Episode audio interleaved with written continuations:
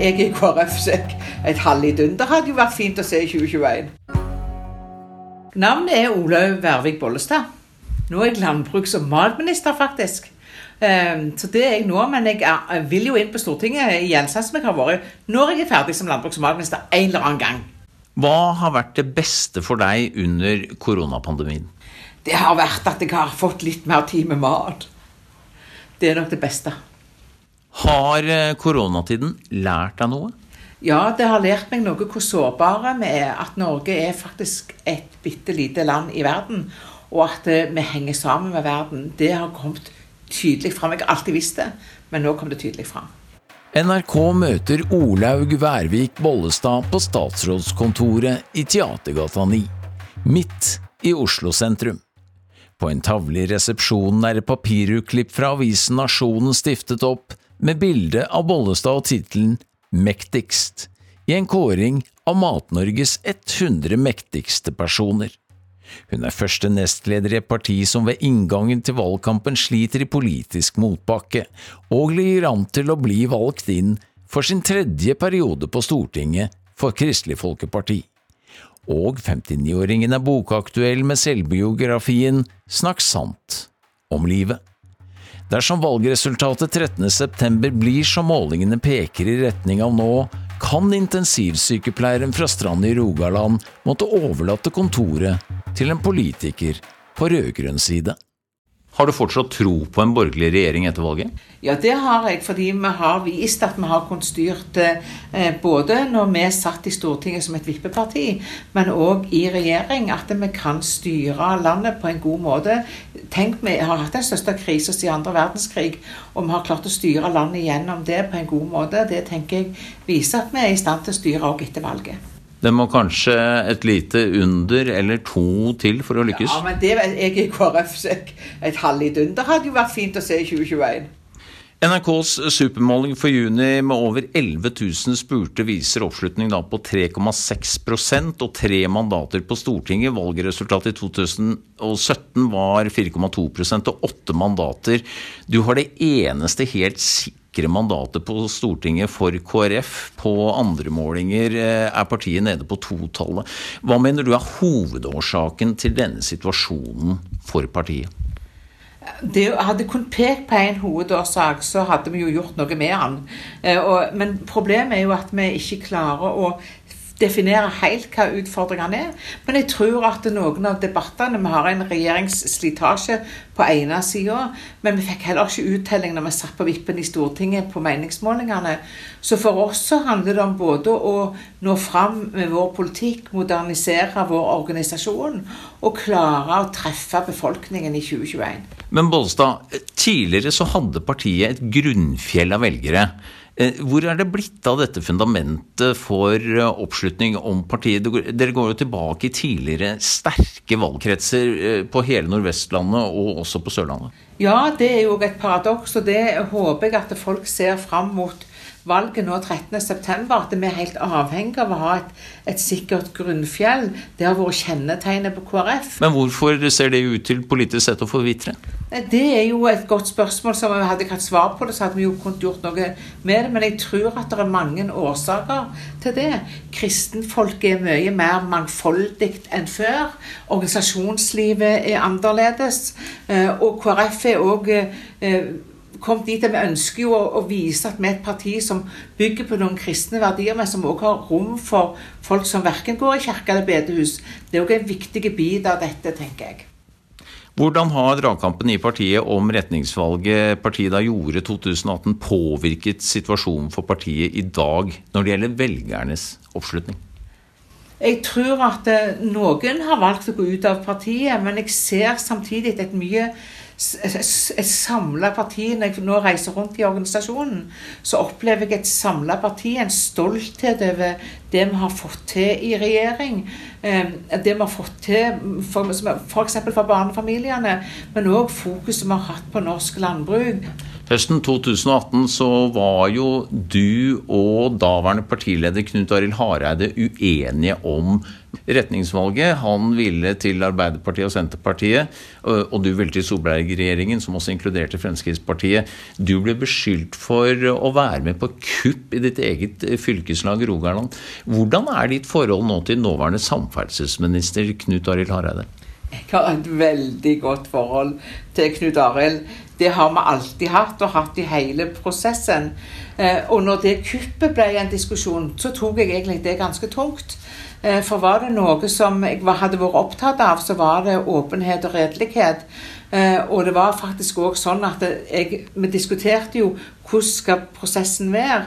Og nå tok vi ikke det valget at vi faktisk sa noe om hvordan en skulle velge delegater helt fra lokalvalg. Og da satt vi i den situasjonen som vi gjorde. Eh, så skulle vi ha gjort noe i, i etterkanten eh, sin klokskap. Så skulle vi ha, ha, sagt noe om representasjon helt fra når vi valgte representanter til de ulike årsmøtene. Det gjorde vi ikke. Så det var ingen form for kupp overhodet. Rogaland KrF brukte sine lovlige regler de har brukt på alle årsmøter. Ved inngangen til eh, valgkampen nå, eh, midt i sommer, så hvordan vurderer du situasjonen i partiet? Er det en krise, politisk krise i Kristelig Folkeparti? Jeg vil ikke kalle ordet for krise, vi er egentlig veldig i krigsmodus. Eh, vi har en organisasjon som virkelig skal kjempe med nebb og klør for å komme både over sperregrensa og prege norsk politikk framover. Det er alle opptatt av, fra nord til sør, fra øst til vest. Hvem er din favorittpolitiker på andre siden av den politiske streken, altså i ditt tilfelle på rød-grønn side? Jeg tror at eh, det må være faktisk Kjersti Toppe. Hvorfor? Fordi hun er galsta når det er noe hun vil. Og samtidig så er hun utrolig arbeidsom. Og du kan samarbeide med henne, og du vet hun leverer, og da leverer hun skikkelig. Det er ikke noe stykkevis og delt, bare helt. Din eh, favorittpolitiker på rød-grønn side er Senterpartiets stortingsrepresentant eh, Kjersti Toppe. Rent politisk så står altså Senterpartiet og Kristelig Folkeparti hverandre nært. Og Senterpartiet vil bl.a. bevare en av KrFs hjertesaker, nemlig kontantstøtten. Er du enig med Fremskrittspartiets leder Sylvi Listhaug i at eh, Senterpartiet vil komme over streken til borgerlig side? Det må faktisk Senterpartiet få lov til å ta det valget sjøl. Men hva mener du? Nei, jeg tenker at Det valget må faktisk Senterpartiet gjøre sjøl. Var det noe som var frustrerende når vi drev med vårt retningsvalg? Det var alle andre som mente noe. Så jeg tenker det er et valg som Senterpartiet skal få lov til å ta. Men vi har mye felles med Senterpartiet.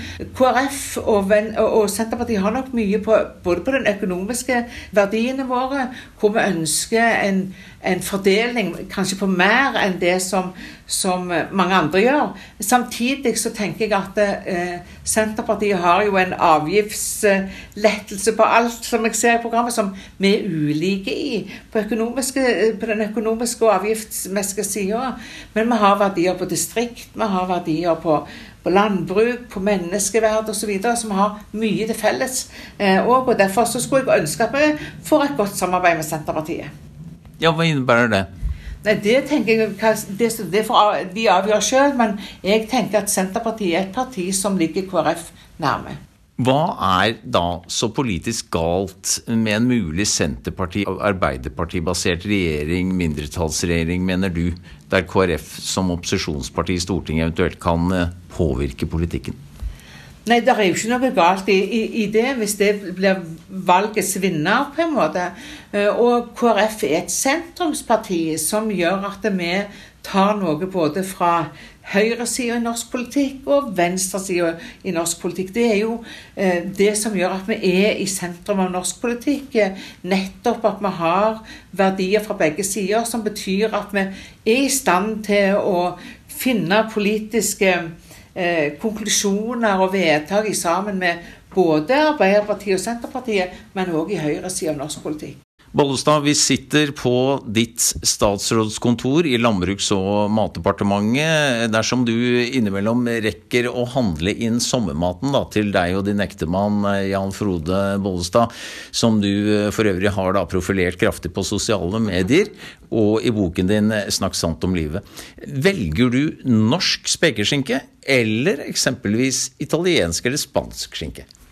Jeg velger norsk, og det har han blitt ganske godt opplært til, mannen òg. Så han springer jo rundt nå i butikken når han handler før jeg kommer hjem, og, og, og kikker både på Nyt Norge-merket og at ting oster og hvor er ting produsert. Nettopp fordi jeg er opptatt av å bruke norske produkter. NRK har dokumentert forhold i svinekjøttproduksjonen og griseholdet i Norge som har sjokkert mange, og NRK har måttet varsle om sterke bilder av gris som lider. Hvilket ansvar tar du som landbruks- og matminister for den situasjonen? Eh, jeg tar ansvar for at vi skal gjøre det vi kan for å ha godt dyrehold i Norge. Men vi skal aldri fraskrive de som har dyrehold, sitt ansvar om å sikre god dyrevelferd. Jeg har ansvar for å legge rammer til, til stede og sikre at Mattilsynet har gode tilsyn, tilsynsprosedyrer. Men mener du at du har gjort jobben din godt nok når slike forhold avdekkes? Ja, for en statsråd kan ikke sitte i hver grisebinge eller hver fjos. Eh, mye av norsk dyrehold er basert på kunnskap, kompetanse, tillit til den som driver dyrehold, samtidig som du har tilsyn fra statens side for å fylle opp dette. Men det er òg basert på at du har så stor kunnskap til å ha dyr at du skjønner at skal du ha penger igjen på bunnlinja, så må du faktisk òg ha dyr som har god helse og god dyrevelferd. Bollestad, vi sitter på ditt statsrådskontor, altså. Eh, hvorfor mener du norske bønder er tjent med fortsatt å ha deg som landbruks- og matminister etter valget? Det er jo fordi at eh, både vi legger til rette for dialogen som vi har i jordbruksoppgjøret. Nå nådde vi ikke i mål i forhandlingene i år, eh, men det handler jo om å skjønne den næringa og legge til rette for rammevilkår, forskrifter, lovverk som sikrer at vi fortsatt kan utnytte og bruke hele landet vårt med de ressursene som, er. Det mener jeg er god, godt forvalterskap, og det mener jeg det forvalteransvaret har jeg tatt og ønsker å ta videre. Men hvor alvorlig er denne uenigheten eller konflikten mellom deg og bøndene med hensyn til Kristelig Folkepartis valgkamp, mener du? Ditt parti profilerer seg på distriktspolitikk og også landbrukspolitikk. Ja, jeg vet jo og mener at bøndene har sett hva vi har gjort. Eh, både eh, i år, men òg de senere åra.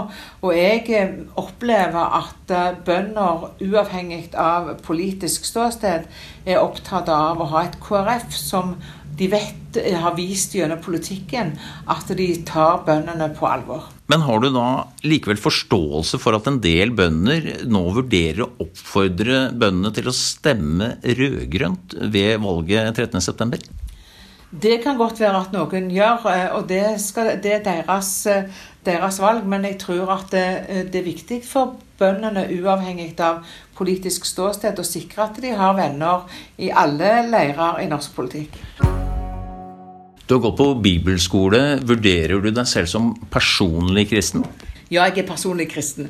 Men så kan en jo definere det, for jeg tror jo at det er mange som tror på Vår Herre, uten at vi alltid vet om dem. Det er ganske viktig for meg å si. Men har du da klokketro på at KrF kan løfte seg i valgkampen, og tar du det med i eventuelle bønder? Jeg er ikke så opptatt av egentlig partiet, jeg er mest opptatt av at vi som land og folk skal ha det greit.